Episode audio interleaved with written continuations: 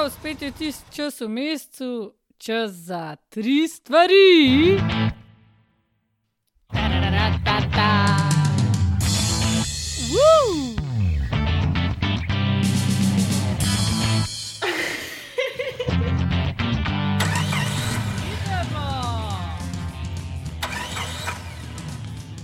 Uh, Veronika, povej mi tri stvari o panku.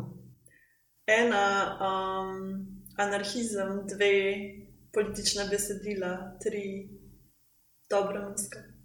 Tanja, povej mi tvi, tri stvari o prometu. Ena, glasanje, dve, javni, tri, bolj se je dobro furati s dobrimi avtomobili. tri stvari. Uh, povej mi tri stvari o mikrobiologiji. Ena, bakterije, dve, arheje, tri, um, agarna gojišča. ok. Sorry, zelo tako, zelo tako je bilo to. Uh, bi rekla znanstveno. Nimam pojma, kaj so agrna gojišča. Ja, pač so te, veš, petrijevke plošče, ki gor namažeš kulturo, pa ti zrastejo te kolonije. Antibiotiki pa to. Ja, lahko daš antibiotik, pa ti ne zraste. Ja, to, Aha, to aha. Ja, ok. Razen če nima noter gena za rezistenco na antibiotik. Pa še lahko jo spremeniš tako, da, da je polodporna. Ok, vsak dan se naučimo kaj novega ali obnovimo znanje, ki smo ga že pozabili. Zakaj pa Veronika to kvi v tem, pa čez nekaj trenutkov. Povej mi tri stvari o policah. Ena, knjige, dve, šraufanje, tri, IKEA. Čist uh, komercialno. Veronika, povej mi tri stvari o vinu. Ena, muškat, dve, rdeče, tri, trta. Tri stvari. Živijo, živijo. Hvala, ker spet poslušate podcast Tri stvari. Z vami sem šoferka, improvizatorka in kaj vse ne, Tanja Matjaševič. Moja tokratna sovoznica in gostja je Veronika Razpotnik, pesnica, biokemičarka in nad vse prijetna sogovornica. Njene tri teme so poezija, mitologija in odnosi. Na tej poti bo malce škripal Donel, ker pač tale moj fička vse en zgleda kot da je en star sod. No manis, no fanis. Ne stok. Um, hvala, da si prišla v mojega roza fička. Z veseljem. Malo bo glasno, danes greva malo bolj v eno prometnico. Če si za, rekla, da bi govorila o treh temah, sem, to sem ti jaz Ja, predlagala in ti si izbrala kot prvo poezijo. ja tako. Uh, kako to, da si izbrala poezijo? Uh, ja, pač pišem jo, ne? uh, tudi rada jo berem. Um, zato pač ena glavnih stvari s katerimi se ful rada ukvarjam. A ti je poezija bila pač tako vedno najljubši izraz, ali imaš še kakšne druge um, pač stvari, s katerimi se rada izražaš? Mhm. Ja, v bistvu izra... poezija je mi je najljubša kot izraz. Ja. Pač rada imam tudi druge vrste umetnosti, ampak mislim, da se nikoli nisem izra... izražala skozi njih. Mm. Kdaj pa si začutila pač tisto um, v sebi, da ja, v bistvu jaz bi pa lahko pisala poezijo? Na začetku osnovne, prav izražati sem se pa začela skozi njo, bolj lirična je ratala pol proti koncu osnovne. Mhm. A si imela kakšne najljubše avtorje? A takrat, ja, v bistvu v gimnaziji sem bila zelo dark gotik in sem brala veliko Edgarja Alana Poja, pa Bodlera, Mhm. pa Silvijo Plat, pa ne vem, koga sem še, Makarovič, ja, ona je moja, vedno bo moja forever najljubša. Um, ja, to, to je bilo v glavnem pač tako v srednji, pol pa kasneje sem pa pač ful razširila ta spektr tega, česar berem. Zanimivo je, da si omenila Svetlano Makarovič kot, Makarovič kot eno pač tvojih ljubših. Um, v bistvu je pa tudi eh, edina ženska, ki si jo pač tudi prvo omenila. Misliš, da je to igralo neko vlogo? Ne, si tudi Silvijo Plat. A misliš, da si se pač lažje poistovetila z neko poezijo, ki so jo pisale avtorice, ali pač ti to ne igra neke vloge? Um, ne, mislim, da je bilo dosti trendom. Jaz sem se v bistvu, mogoče sem se celo včasih lažje s poezijo. Mo mislim, ne vem, ne morem reči, da je igrala kakršno koli vlogo, ampak mogoče sem se s poezijo moških, zato ker so pisali o ženskah včasih. Aha, aha ta, ta koncept muze. Mhm. Aha, zanimivo. Pa Budlera si umela, ki je pač zelo, meni osebno je pač zelo, so neke slike močne. Um, tako da, si ti, ko pišeš poezijo, imaš najprej v glavi pač neko sliko in potem na podlagi tega opišeš, ali imaš pač nek, neko čustvo, nek sentiment, vse, ki misliš, da bi bilo pač to potrebno izraziti. Kako gre ta proces? bolj sentiment, ja, pač ni toliko pisno slike ali pa dogodek. Pač jaz imam ful velikrat, zdaj, ki pišem, so tako, opisujem v bistvu dogodke in vključujem resnične izjave ljudi in opisujem resni, stvari, ki so resnične, zelo pogosto. Um, ali pa ne vem, se pač stvari so pomešane, stvari so tako lahko vzete iz časovnih okvirjev, pa postavljene v drug časovnih okvir, lahko so pripisane drugi osebi, lahko so pač kakšna stvar je tako malo izmišljena, seveda. Sam pač ful velikrat se na, pač opiram na resnične stvari, dogodke, predvsem. Ja. Okay, zanimivo. A, a, a se spomniš, katero pesem si se tako naučila na pamet prvo? Prvo. Mislim, jaz sem znala ogromno otroških pesmic na pamet, ko sem bila majhna, ampak tako prav za, um, prav za recitirati prav poezijo za odrasle, pa po moje sem se od Svetlane Makarovič ljubimca, druga je bila pa povodni mož od Preširna. A to še znaš zdaj na pamet? Uh, zdaj znam uvod v krst pri Savici, um, povodnega moža ne znam več, znam pa ja ljubimca od Mekarovič krst, ki je pač ful kratka. A bi jo nam zaupala? Ja. Tebi je bilo zaudano z jedko rdečo mušnico, meni je bilo zaudano z britko volčjo jagodo. Zdaj iz tvojega telesa rdeče gube rastejo, a jaz v očesu čutim kliti težko črno jagodo. Ko pa pride mrzlo jutro in se zdramiva iz san, bova nema šla vsak sebi v sveže zastrupljeni dan. Poezija Svetlane Makarovič je očitno postala popular choice naših podkastov. Sama sem predvsem vesela, da se v Fičku prebira tudi poezija. V nadaljevanju je bo še kar nekaj, kajti z mano se fura pesnica Veronika Razpotnik. Kaj pa sicer eh, ali knjige, ki jih prebiraš, a so večinoma poezija ali pač tudi kaj po čem drugem posegaš? Zdaj so v ful veliki meri poezija. Včasih sem brala pač same romane, skoraj. Zdaj so pa poezija, tako recimo tri četrt, um, pa pa ne vem, kratke zgodbe. V bistvu imam raje kratke literarne oblike, zdaj romanov se ful ne lotam, pač for some reason. Um, mislim, da je tudi, ampak bolj tako, ko imam več časa. Tako da jaz zdaj recimo berem bojne barve od Jeda Klapuh Maležič. Um, naslednjo v vrsti imam noži od Toneta Škarjanca.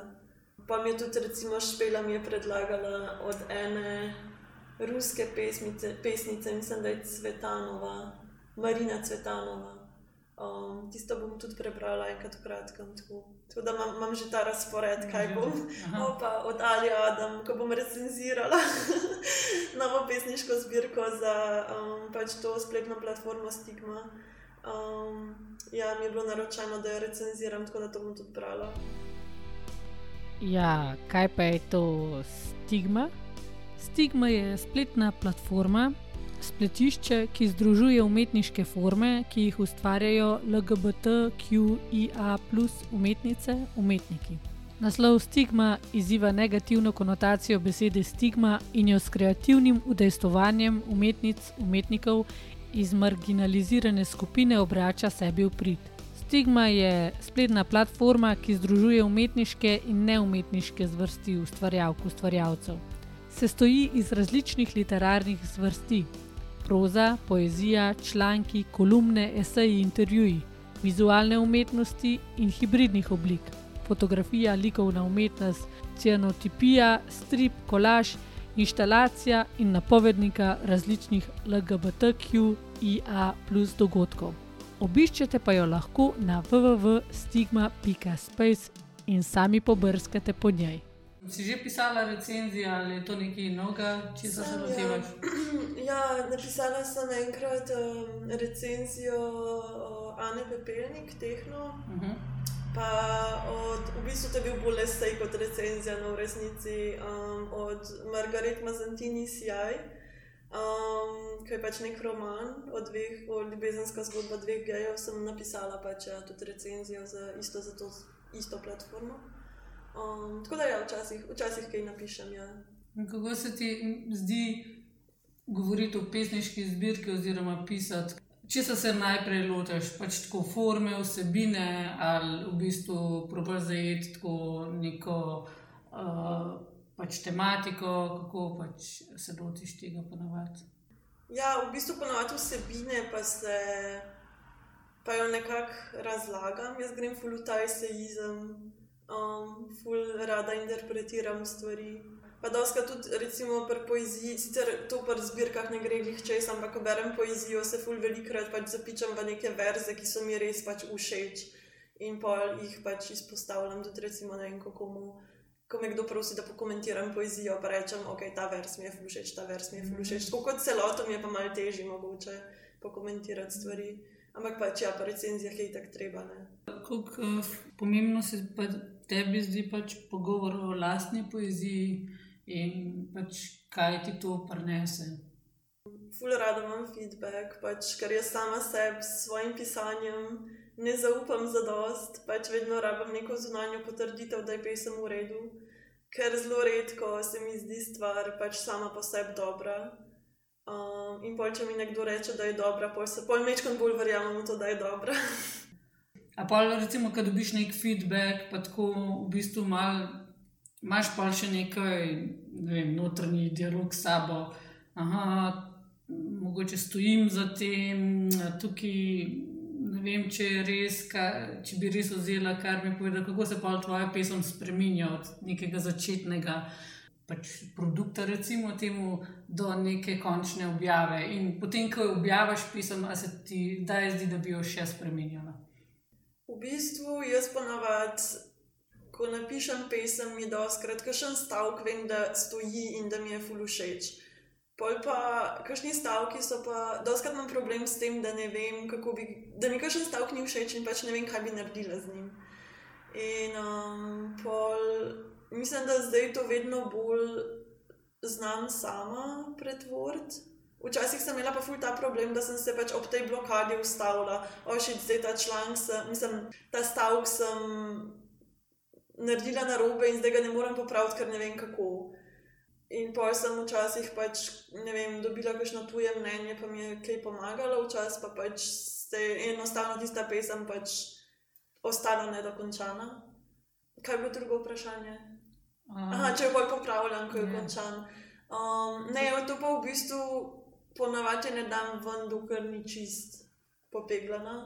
In pol je pesem zaključena, ponavadi. Uh mhm. -huh. Ker jo ponavadi od, na tisti točki jo že toliko imam v glavi in točno vem, pač, kaj je. Ne znam jo na pamet ponavadi. Pač pesem je zdaj oseba in če bi zdaj.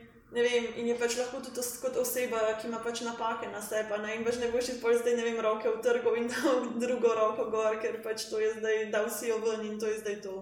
Zelo, zelo zanimiva metafora, da se pismijo, pa z osebo. Ja. Uh, še nekaj me zanima, pač večinoma pišeš v prostem verzu. Uh, si se pač daj tudi sprobala v teh pač, uh, že pač oblikah, ki so ustaljene. Zakaj pišeš v prostem verzu? A imaš kakšne izzive, v čem se še želiš preizkusiti v zvezi s poezijo? Ja, jaz sem včasih pisala samo v Rimi.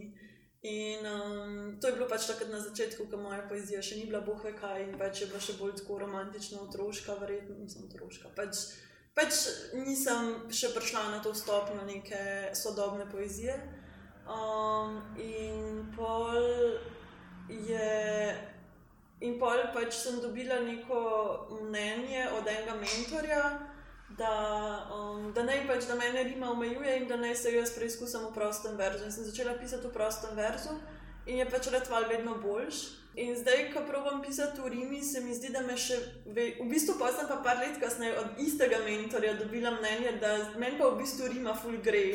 Pa da ne bi pač, da zdaj, ko pa imam že to vse za sabo, ta prosti vers sem že več predelala in ga obvladam, da zdaj pa pač lahko probam tudi v Rimi. In pa kadarko sem pol potem probala v Rimi, se mi je zdelo, da ne gre, pa da me še vedno omejuje. Um, ampak bi pa fuj rada probala napisati Vilanelo. -hmm. Ker mi je kot, um, ful mi je tako oblika sama po sebi, izpade ful močno, karkoli napišeš v njej, je ful močno zaradi teh ponavljanj verz, verzov na koncih kitic. In um, ne vem, jaz sem to ful, pa recimo pri Silviji Plac sem to ful videla in mi je bilo vedno ful všeč. Tako da ja, to, to bom enkrat naredila. Ja, kaj pa pesniška zbirka, kako kaže s tem? Mm, Zaenkrat bi mogla najprej pesmi nekako urediti po sklopih, mhm. um, ker se mi zdi, da so fully nepovezane med sabo. Pač niso si niti po stilu, niti po vsebini tako podobne in bi jih mogla urediti tako, da bi, ble, da bi bila neka povezava med njimi. Um, in tudi recimo od starejših pesmi mi jih je vedno manj všeč. In pol mislim, da niti ne bi imela za dost materijala. Uh mhm. -huh. Tako da sta dva problema, pač več materijala rabim, pa urediti bi jih mogla. Uh mhm. -huh. Se pravi, če dobro razumem, da boš pač imela neko strukturo, pa da boš nekako tedla neko temo, kateri slediti, oziroma boš znala urediti svojo poezijo, pa, pa lahko upamo tudi na to pesniško zbirko. Ja, pač sigurno bo enkrat nastala, ampak bomo videli, kdaj. Ja, jaz se že veselim, no, tako da upam, da bo. Um, ne bom rekla čim prej, ampak takrat, ko bo pač pravi čas za to. Ja. Uh, sicer pa lahko, seveda, te berejo pač na raznih platformah, tako da spletnih, um, in si že objavljal tudi kaj v tiskani obliki. Uh, ja, v bistvu z pseudopoeti pripravljamo antologijo, ki letos izide, milimeter in pol je naslov. Um, in bo pač enkrat zdaj v kratkem, čez par mesecev, verjetno bo zunaj. Tako da ja, pač bo v tiskani. Umenila si pseudopoete, uh, ti si v bistvu članica pseudopoetov, lahko kaj več poveš o tem bendu, projektu, oziroma kako je nastalo vse skupaj. Ja, v bistvu začel se je 2017, um, ko nas je bilo pač par pesniških zanesenjakov. Um, številni so imeli tudi v bistvu neke filozofske nazore uh, in smo se fully v bistvu pogovarjali o tej filozofski plati poezije in ne vem, poeziji kot konceptu, in pač vsi so neki pisali, smo neki pisali ali poskušali pisati. Um, ampak smo v glavnem poskušali smo delovati kot skupina, ker smo imeli pač kot neko uh, idealizirano predstavo, da bomo ustvarjali nov pesniški val. Kar se seveda nikoli ni zgodilo, ker um, po drugi strani smo pa vsi nekako vedeli, da se je zgodovina že končala in da vsi sami še obračamo postmodernizem na stoj en način. da, okay, zanimiva misel. Ja. Oziroma, kar statement. Ne? Mislim, pač meni se zdi to precej realno. No? Okay. Um, to je ta filozofska plat tega, o čemer smo govorili. Um, ne vem, pa smo začeli v bistvu delovati pač bolj praktično, veliko članov se je zamenjalo, veliko novih članov smo pridobili, te, ko so zdaj vključeni, pa najbolj aktivni, so se pridružili bolj kasneje originalna člana so samo še, po moje, pa dva Matijata, od katerih Matijatov je samo en aktiven, ostali niti ne ve. Ali lahko našteješ pseudopoeta? No, prosim. Ja, okay. Od bolj aktivnih smo jaz, Matija Sirk, Špela Setničar, uh, Gal Grobovšek, uh, Sara Nuša Golob, Grabna, Alina Špan, uh, Anja Papuga, Ljubreza Zakrajša, Kajda Godec, Gašper Narobe. Anja Pečjak, Sara Čano, pa se fulno upravičujem, če sem koga pozabila. Tom Weber. ja, tako je, ja, to je to. Mislim, ni to, to, verjetno sem koga pozabila, ampak to ja. smo te, ki se več, ko več sodelujemo. Ima ultra raščan, pardon. Ja. Ste pa um, imeli letos polet nekaj branj, um, tako pač, vsaj tako sem zasledila na Instagramu najbrž. In v bistvu ste pač sedali v prostor tako, um, na tak način pač pač fizično, kje ste pa še pač izvajali branja, ali kako naj ti rečem, kje ste še brali svojo poezijo. V bistvu začeli smo z dvema recitaloma, začeli smo zelo megalomansko leta 2018 z dvema recitaloma, ki smo jo v bistvu uh, na začetku načrtovali kot performance. In polk nam je seveda zmanjkalo časa, smo naredili običajne recitale. Uh, en je bil v Atriju Sazuja, um, en je bil v mladinskem centru Ulca, to, pa smo večkrat zaspali. pa smo se spet zaangažirali 2019, ko um, prek enih političnih akcij v zvezi z Rugom, ki ja zdaj že več ne obstaja. Takrat je samo tudi grozila, ampak takrat se pač to ni zgodilo, pa se je pa zdaj to nepričakovano. Ampak takrat smo javno izražali smo podporo roku in akademskemu kolegiju, ki pa na srečo je še med nami v tej obliki. Um, pa upajmo, da boš tudi ostal kot študentski dom. Pa na kulturološkem simpoziju smo bili tudi takrat. Ja. Pa smo pa v bistvu. Imeli smo tudi en dogodek, oziroma dva dogodka, ki je bil v okviru bivšega novega zvona, zdaj revija Nebule, ki je bilo v bistvu poezija v dialogu, mhm. um, ker smo prišli samo tri pseudopoeti od pač, sem ena bi še mogla priti, pa ni mogla. Tako da smo bili tri pseudopoeti tam na tistem mestu in smo se pogovarjali o poeziji, pač odgovarjali s svojimi verzi, tako da so se nekako navezvali malo na drugega. In pa smo isti dogodek naredili še sami, pač v modernem kotu. Potem smo pa, potem pa je naslednji projekt, ki je bil, je bil pa že to pred kantino in sum, um, teli uh, literarni popoldnevi, ki smo imeli pa vsak teden, dokler je, bila, je bil lokal lahko odprt, um, pa vsak teden drugi avtori. Sem pa jih, mislim, jaz pa pač Matija Sirk svojih svetov nekako. On je dobil idejo za te dogodke, jaz sem pa pol prevzela čez nekaj časa. Ja, pač iskala sem ja ljudi, mm. uh, špela je pa povezovala, kaj vedno. Veronika je tekom svoje literarne poti, za katero pravi, da je še v fazi asfaltiranja, postala ena izmed finalistov 19. in 21. pesniške olimpijade. Na literarnem natečaju Rdeča nit 2019 pa je prejela prvo nagrado v kategoriji Poezija ter se uvrstila v finale natečaja za najboljšo protestno pesem ali družbeno satiro Mentorjev Feferon. Objavljala je v revijah Mentor, Spirala, Novi zvon in na spletnih platformah Lud Literatura in Koridor, križišče umetnosti ter v Lesbozinu in v Bizinu. Letu 2019 je svojo poezijo v precejšnji meri povezovala s temo stanovanske problematike, kar je pretenciozen izraz za njen vonabi aktivizem, kot pravi sama. Omenila je tudi rok in modri kot. Za vse tiste, ki ne veste, rok oziroma avtonomna tovarna rok je svoj žalostni konec doživela z udorom gradbincev na posest v spremstvu oboroženih policistov 19. januarja 2021.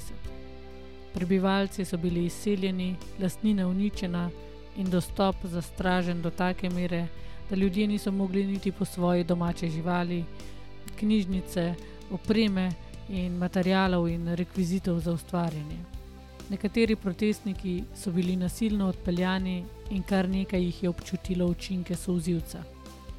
Za pesnike in pesnice je to pomenilo, da so se mlade Rime zaključile pri številki 143. Ljubljana je izgubila pomemben socialni prostor, kjer so se v 15 letih gradila osebna in politična zavezništva s tistimi, ki jih je oblast razglasila za odvečne in jim imala pravno podlago za bivanje, jim ukinjala vize, omogočala kraje njihovih krvavo prisluženih plač, jih ilegalno preganjala čez meje. V spomin modremu kotu in mladim Rimam, ki so potekale v organizaciji Veronike Tintinjane, pa malček poezije. Veronika Razputnik, 2D Lesba. Ko grem iz hofra nad lentom s polnim ruzakom alkohola, se gladko poserjam na stare mame, ki zgroženo gledajo, če bejbo ob sebi poljubim na usta. Z roko v roki prečkava cesto in jaz samo čakam, da avto enkrat ne bo ustavil. Saj je najboljša lesba mrtva lesba, Do takrat pa bom pač ljubila ženske. Udova v vojaški majici z doktegom svoje bivše, dolgonogo Marijo Magdaleno, blond socialistko, plesalko v Maxi Krilu, Indij rok revolucionarko. Morda pa sem jih položila več kot ta, ki me je zgazil. Ko rečem besedo mitologija, prva asociacija. Um, v bistvu jaz se najprej ne spomnim na grško, ampak na staroslovansko, pa nordijsko. Pač, ok, se tudi grško, zato ker sem pač ful velik grške pa rimske mitologije, sem jaz se naučila, ker sem se učila latinščino v osnovni šoli. Um, in je, je bil to pač en del zraven te v bistvu staro-rimske kulture. Um, drugače pa nordijsko, pa staroslovanska, sta mi pa blizu iz uh, metal glasbe v bistvu. Uh -huh. um, ker se pač, ja, mislim, ker zvrst je zelo aktivna, kot vemo, v Skandinaviji in imajo ogromno pol teh referenc na nordijsko mitologijo. Um, pa pa se je to nekako ta, kako se temu reče, pagan metal, ne se je pa, pa razširil tudi po, v bistvu po Balkanu in imamo recimo par bendov slovenskih, hrvaških, tudi dol niže po Balkanu, sem teh se v bistvu ne spomnim toliko, um, da imajo pa pač ful v bistvu pol zgodb o, o teh staroslovanskih bogovih, kar je pač tudi noro zanimivo, ker pa se v bistvu ta. Mislim, ker pač tudi mi v bistvu nas ne učijo za res nekaj o tem in pač tudi prek tega malo spoznavaš um, da ne rečem pač ostali sveta, um, da mi to pač neko našo ali pa pač iz tega območja neko zgodovino malo širimo po svetu. Mm. Ja, zanimivo je, da si umenila pač metal, kot pa kateri bendi najbrž si poslušala to, vrst, to vrstno glasbo ja. in katere bende bi umenila. Pač neke svoje najljubše. Oh, da, preveč jih je. Elej, če rečem, povej mi tri bende. Povej mi tri bende, ok. Cradle of Fields, Draconian, pa Behemoth. Ok, hvala. Ne. Mogoče bo pač kdo poiskal, pa tudi poslušal, oziroma poslušala. Um, zanima me pa zdaj v bistvu, če imaš kakšno boginjo ali pa pač boga iz te. Uh, Slovanske. mitologije, slovanske, no, kjer koli, pač, kater ti je bil pač tako ljub, da si pač rada raziskovala te zgodbe, da ti je neka zgodba, ki te je pritegnila. In, uh. uh, um, Mene so v bistvu te bogovi podzemlja, so mi bili vedno fulj fascinantni. Ti slovanske mi je, zato imam rada moralno. Um, iz grške pa pač Perzefono, pa. pa, pa um, grška je Persefona, pa Hades bil rimski. Ne, Hades pa Persefona sta v bistvu. Hades pa Persefona. V bistvu, uh, sta par, ampak ali ni bil nek drug ime v grški mitologiji za Hada? Um. Pa, ne, v bistvu ne, ne, Pluton, Pluton je bil rimski, Hades je bil grški, ja. Ja, super, ok, sem se spomnil. Kaj pa uh, slovanski bogovi? A ja, si rekla, moralno. Moralno, ja. Ja, se pravi, podzemlje. Mm. Medtem ko Persefona je tudi boginja pomladi. Ja, ja. Mal deli, delovni, uh, polovični delovni čas. No. Zanimivo je, da so dali to v isto osebo, pač boginjo podzemlja, pa boginjo pomladi, ker se je pač po tem ciklu življenja pa smrti je logično, ampak pač recimo v slovanski je pa to ločeno, imamo pa vesno, pa moralno. Mm. Uh, bi povedala kakšno zgodbo, um, kakšno iz mitologije, katere koli. Mislim, meni je recimo ful ljuba pač ta o meduzi, ki jo lahko v bistvu postavimo tudi v feministični kontekst. Da je meduza, mislim, da je v bistvu ta zgodba zelo seksist v smislu, da je, mislim, da je bila ona pač kaznovana zato, ker je bila lepa in so jo moški nadlegovali um, kar je pač zelo, še vedno zelo aktualno, žal. Ja, in pol, pač, in pol še dodatno, zato ker je pač potem nek moški njej odsekal glavo in bil čaščen kot heroj. Um, in sem bila vedno tako VTF, Ve, večno aktualna zgodba. Uh -huh. A zdaj, kdaj vključovala mitologijo tudi v svojo poezijo, v svoje pisanje? Mm, ja, eno imam uh, s ful velik boginjami deseniška je naslov. Um, Imam pa pač ja, v bistvu vsaki kitici eno boginjo in bolj uh, aktualiziran kontekst te boginje. Deseniška. Prosim, kliči me Atena, ker sem se iz možganov tirana izlegla, bojevita in do zopa borožena. Prosim, kliči me Persefona, ker kljub polni steklenici lete, še vedno ne morem pozabiti zaudarjajoče kerberove sape in njegovih stikajočih šap. Prosim, kliči me Meduza, ker bo ne iz mojih ust večno neuslišan, dokler se ne spremenim v pošast. Prosim, reci mi Morana, ker ubijam s hladnim pogledom in bi bila lepša, če bi se smehljala. Prosim, reci mi Ištar, ker mi kaj drugega kot lepa v tem svetu ni dovoljeno biti. Prosim, kliči me Sif, ker je ljudstvu pomembno le to, kar zraste iz mojega telesa. Prosim, pokliči me z mojim imenom, ker mi živi zazidani v skal nad stolp, iz leta v leto bolj zmanjkuje zraka, kot krivdo za razpad družine, pa še vedno nosim njen priimek. So ti všeč eh, tudi eh, recimo filmi, ki so Tori in eh, podobno, kakšne serije, ki vključujejo um, te nordijske mitologije? Uh, ne, od nordijskih v bistvu nisem, pač gledala sem ja, ok, si kar kakšen film, brala sem knjige. Na, uh, v bistvu me je bil všeč Talisman Troje.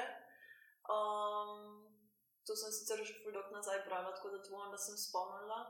Sam um, je pa v bistvu, mislim, malo tako reference na Odiseja, sam da pač, ko pride ta os, uh, oseba, ki mora pobegati, tistem pride nazaj v bistvu tega Agrosa, ki je pač njegovo rodno mesto, ga ni več, ker so ga vmes napadali pa uničili. Um, tako da ja, um, to je slabo. Če tudi tebe zanimajo zgodbe, v katere je upletena mitologija, imam par predlogov. Ena mojih ljubših pisateljic, Janet Winterson, je napisala knjigo z naslovom Teža in sicer je to malček restaurirana verzija mita o Atlasu in Heraklu. Sposodite si jo lahko v knjižnici, ampak ne garantiram, da bo na policiji. Na zadnje so mi knjigo prinesli iz kleti. Škoda, ker uh, je res dobra. Tako da upam, da po tem podkastu si jo bo folk šel malo večkrat sposoditi. Če vam knjige niso pa še nekaj, potem bi vas usmerila na digitalno obliko mita o Persefoni in Hadesu, krških bogovih, ki jih je Veronika že omenila. Če si naložite aplikacijo Webtoon, boste tam našli strip Lore Olympus, avtorice Rachel Smythe. Jaz moram priznati, da nestrpno čakam nedelje, ko strip izhaja. Če pa ste bolj za nordijske bogove in TV, ste si verjetno že ogledali Vikinge, hkrati pa vam predlagam še serijo norveške produkcije Ragnarok, ki vključuje vprašanja ekologije in jih prepleta z norveško mitologijo. Mal je taka tinejdžerska, ampak meni je bila kar cute, pa še evropska produkcija, kar samo podpiramo. No, saj izihmate tudi sami, kakšne ideje. Če bi radi kaj predlagali, me lahko najdete na Instagramu tri stvari ali pa mi pišete na mail tanjin.petmobil afna gmail.com. Če bo kaj fajn, ga z veseljem pričakiram in delim tudi z ostalimi.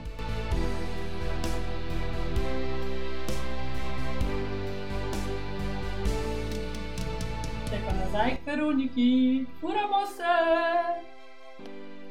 Zadnja tema je odnosi. Uh. Ja, ok, iz mitologije pa na odnose. Ja, zanima me, zakaj si izbrala to za eno temo, ki bi rada govorila in kaj pač ti odnosi pomenijo.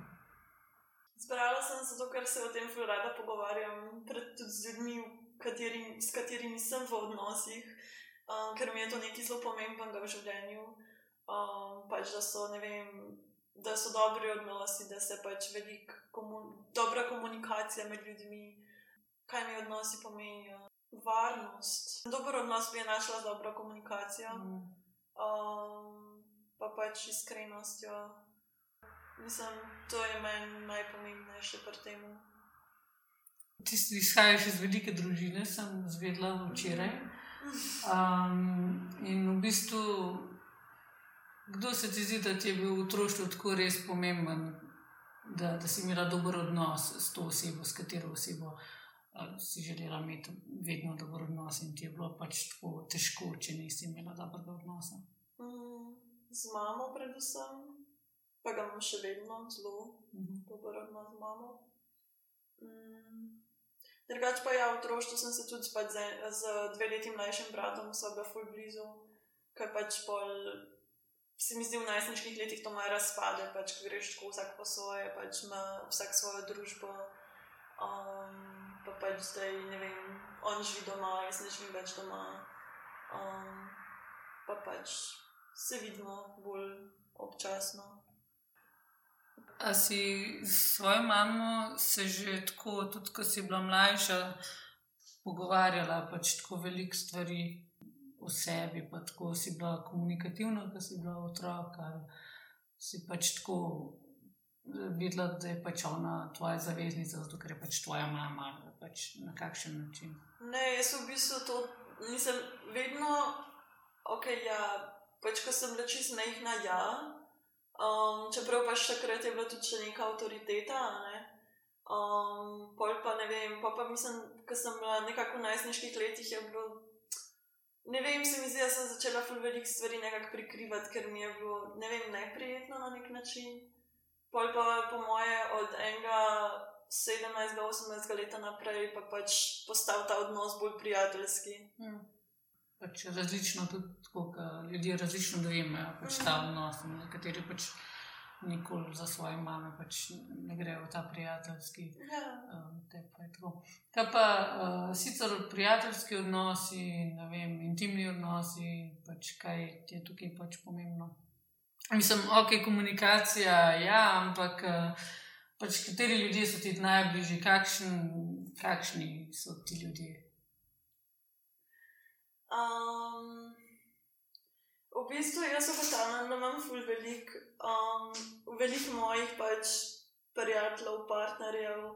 Um, je v nekih teh umetniških, zgiblja se v umetniških krogih, pač predvsem meni so taki ljudje pač zelo zanimivi, ko se, najbolj zanimivi, ko se ukvarjajo z neke vrste umetnostjo.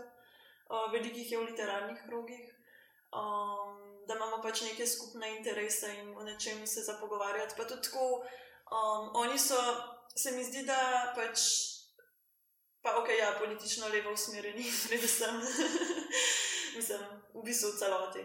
Um, ne vem, pač cenim to, da je oseba pač odprta, pa sproščena. In se mi zdi, da pač ljudje v bolj takih krogih nim, nimajo nekih, mislim, imajo, mogoče zdaj pač preveč uh, posplošujem, ampak po mojih izkušnjah imajo manj predsotkov, manj zadržkov, bolj so sprejemajoči. In jaz imam pač zelo hiter, ne vem, dobim nek ta gut feeling, da me nekdo obsoja in tega ful ne maram. Um, in pol pač seveda se s takimi ljudmi teže ujamemo.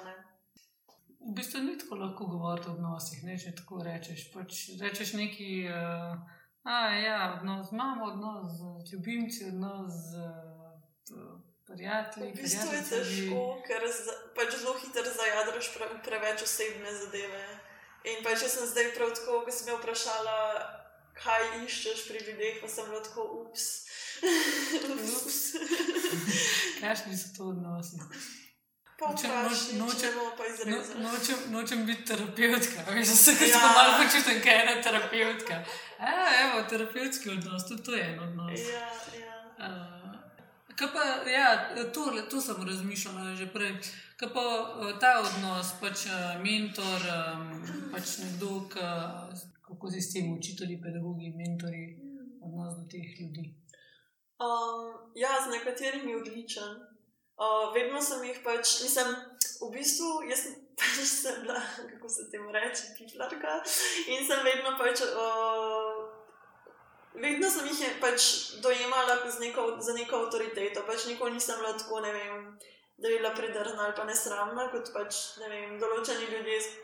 Enostavno pač ne prenašajo avtoritete, pa se jaz tudi včasih ne, ampak se mi zdi, da pač to, kar se pa izobrazbe tiče, mi je pa pač to nekaj ful pomembnega in pol se enostavno pač več spoštovanja namenjam takim ljudem, ker cenim njihovo znanje. Um, in zato se mi zdi, da sem se vedno pač dobro zastopila z ljudmi, ki so me učili nekaj, ker sem pač hotla potegniti tisto znanje, ki ga imajo. Mislim pač hotla sem, da bi bili oni veseli, da prenašajo znanje na mene, da bi jim bilo to v breme. Kaj pa odnos do. Um, če, če gledamo, da, da ne gledamo, ker je pač odnos je do marsikčesa lahko. Ne? Kaj te, kaj, kaj te spravi tako v stisko? um, v stisko, če imam občutek, da me ljudje zapuščajo. Uh Mhm. -huh. To recimo. Um, pač občutek ja, zapuščenosti, da so se me ljudje naveličali, pa me zavrgli. Mhm. To je recimo tak zelo, moj zelo velik strah, po mojem. Tudi v prijateljskih odnosih. ne? Ja, predvsem prijateljskih, pa intimnih. Ja. Mhm. Tukaj lahko se jaz, po mojem, tudi uh, najdem. Si rekla, da si tudi v bistvu hodila na terapijo. Kakšen je, kaj je pa pomemben mm, v tem terapevtskem odnosu? To, da me terapeut jemlje resno, ker jaz imam zelo velikrat, ne vem, verjetno včasih je to samo moj občutek, verjetno, ampak pač zelo hitro se počutim invalidated. Te bom vprašala, kaj pa odnos do sebe, pa do lastnega telesa. Jaz sem zelo velik perfekcionist in pa se zelo, hi- mislim, zelo, zelo sem, po mojem, sem zelo stroga do sebe, to bi rekla, da do sebe. Um, da imam zelo velika pričakovanja do sebe. Kako pa misliš, da je pomemben odnos do lastnega telesa? Mislim, zelo, absolutno je zelo pomemben, pozitiven odnos do lastnega telesa. Pa um, se mi zdi, da jaz ne vem, če vam čist, mislim, se jih noben nima čist dobrega, verjetno, ampak ali pa večina ljudi ne. Ampak ja, um, mislim, tudi pri meni bi bil definitivno lahko boljši. Okay, kaj pa odnos do živali? o ja, to pa moje ljubice. Nekje si napisala, da včasih uh, da za sebe rečeš, da se raje držiš z mačkami kot živalmi. Ja, A, kot z ljudmi. kot z ljudmi. Da se, rekla si, da se raje družiš z mačkami kot z ljudmi. Da um, v družbi mačk uživam bolj kot v družbi ljudi. No. Ja, um, mislim, to je včasih res. Ja. Um, pač se ne da ne maram ljudi, nisem zdaj nekaj nek ljudomrzneš, um, imam zelo rada ljudi tudi, uh, vse tiste, ki mi ustrezajo, ne kogarkoli. Ampak um, ne vem, se mi zdi, da. Um, predvsem, ja, jaz sem pač zelo velik mači človek in um, imam veliko raje mačke kot pse. Uh -huh. Um, to pa zato, ker um, mislim, cenim to njihovo samostojnost. Um, pač ne bi mogla skrbeti za, nimam časa in energije skrbeti za še eno živo bitje in pač ne bi si navesla te odgovornosti. Pač, če bi, mislim, glede na to, da vem, da pač verjetno ne bi mogla dosti dobro poskrbeti, kot recimo ne bi hodila imeti otrok, če ne bi vedela, da bi bila dobra mama. Um, pač isto je s psom, ne, da um, se mi zdi, da trenutno nimam kapacitet, da bi lahko skrbela za njega in zato ga tudi ne bi imela. Zato pa tudi pač pri mačkah, uh, mačko bi pa lahko imela, mačko pa pač, sploh, mislim, sploh če bi imela nekje nek odprt prostor, da bi jo lahko varno ven spustila. Um, ampak ja, pač mačka, ne vem, daš ji za jesti, cartaš jo, to je pa to, kar rabi. um, in pač sploh, če so kakšne te prijazne, crkljive mačke, um, z- lahko zelo veliko, ne vem, kako se temu reče, uteho. Um, pač v določenih momentih, ko ne vem, noč ne sprašuje, noč ne, sem tam je, imaš v naročju, pa ti prede, pa, pa je ful pomirjujoče. Govoriš kot proprvič. Morana. Morana z mačko. Morana z mačko. A, ja, zanimivo. To bo moj nov Instagram, ne? Morana z mačko. Odnos do, do hrane? Uh, ja, um, ja, jaz imam zelo rada dobro hrano, to pa absolutno. um, mislim, ster, again, ja, se mi zdi, da pač veliko je tega družbenega pritiska, ne, da pač je ne preveč pojesti, pa Um, ne vem, to ful se navezuje na to z odnos s telesom, pa odnos do hrane je pač ful desno povezano, nažalost, in je pač ful žalostno, zato ker hrana je pač tam ena najboljših stvari na svetu. In, um, in pol, ne vem, ta družbena stigma do pač ljudi, ki niso videti kot manekenke z modne piste, je pa pol, pač se ti pa pol nekako postavlja na pot med to ljubezen do hrane in um, ne vem. In jaz sem pač frustrirajoče. Kaj pa uh, odnos do rastlin? Uh, Kako ti pomeni narava, uh, rastline, pač kakšno okolje, v kakšnem okolju ti je najbolj živeti? Um, jaz imam sicer ful rada mestno okolje, ampak um, ja, po drugi strani pač mestno okolje za, ko bi rekla, pet dni na teden, za vikende pa, pa absolutno narava. Ja. Pač jaz imam, mislim, gost je ful neko za me res ful pomirjujoče okolje, tako da se doskrat pol. Ko se sproščam, je gost popolno okolje za to. No glede rastlin, pač sobnih rastlin, pa imam jih sicer rada, ampak mi vse pomrejo. Um, nisem jih neka dobra plant, imam. Tako da jih nimam. Ej, ki si umenila pač to med mestom in med um, gozdom in naravo, se mi je porodilo še eno vprašanje in sicer, kje pa najraje pišeš? Kje najraje pišem? Uh, v posli zvečer, tik preden zaspim. Ponavadi s kakšno knjigo zraven, ker ponavadi dobim ideje uh, med branjem. A bi še kaj povedala, karkoli? Ja, hvala Tanja za povabilo v ta podcast, pač res mi je bilo veselje. Um, pač fajn se je pogovarjati s tabo. Ja, tudi s tabo. Super so pogovarjati. sogovornice, si pa ful dobro vodiš pogovor. No, hvala za to, malo sem se mogoče, da je tudi eh, znašla v kakšnih težavah, ampak to bo še izrezal, da pa pač nihče ne bo vedel. Ja. Um, ja, hvala, ker si bila gostja v mojem fičku, včasih malo škripa, ne, tako je, to so ti malo eh, sedeži, um, promet je, prišle smo, kamor smo prišle, na zele, zele greva še malo live, ker smo pač v mestu. Uh, tako da hvala, ker si bila gostja, veliko sreče s pisanjem Hvala. um, in tudi z ostalimi stvarmi, ki jih počneš v življenju in v odnosih. O, hvala. Tri stvari. Ta-da-da-da-da-da. Woo!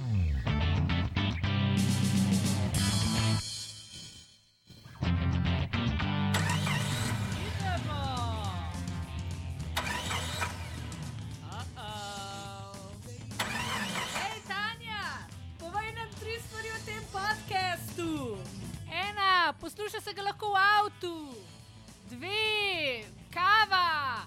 Tri, končan je tukaj. Tri stvari.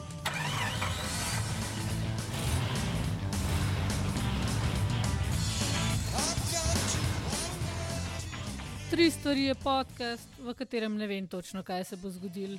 Vem pa, da bom gostila različne ljudi, s katerimi bom predebatirala vsaj tri stvari.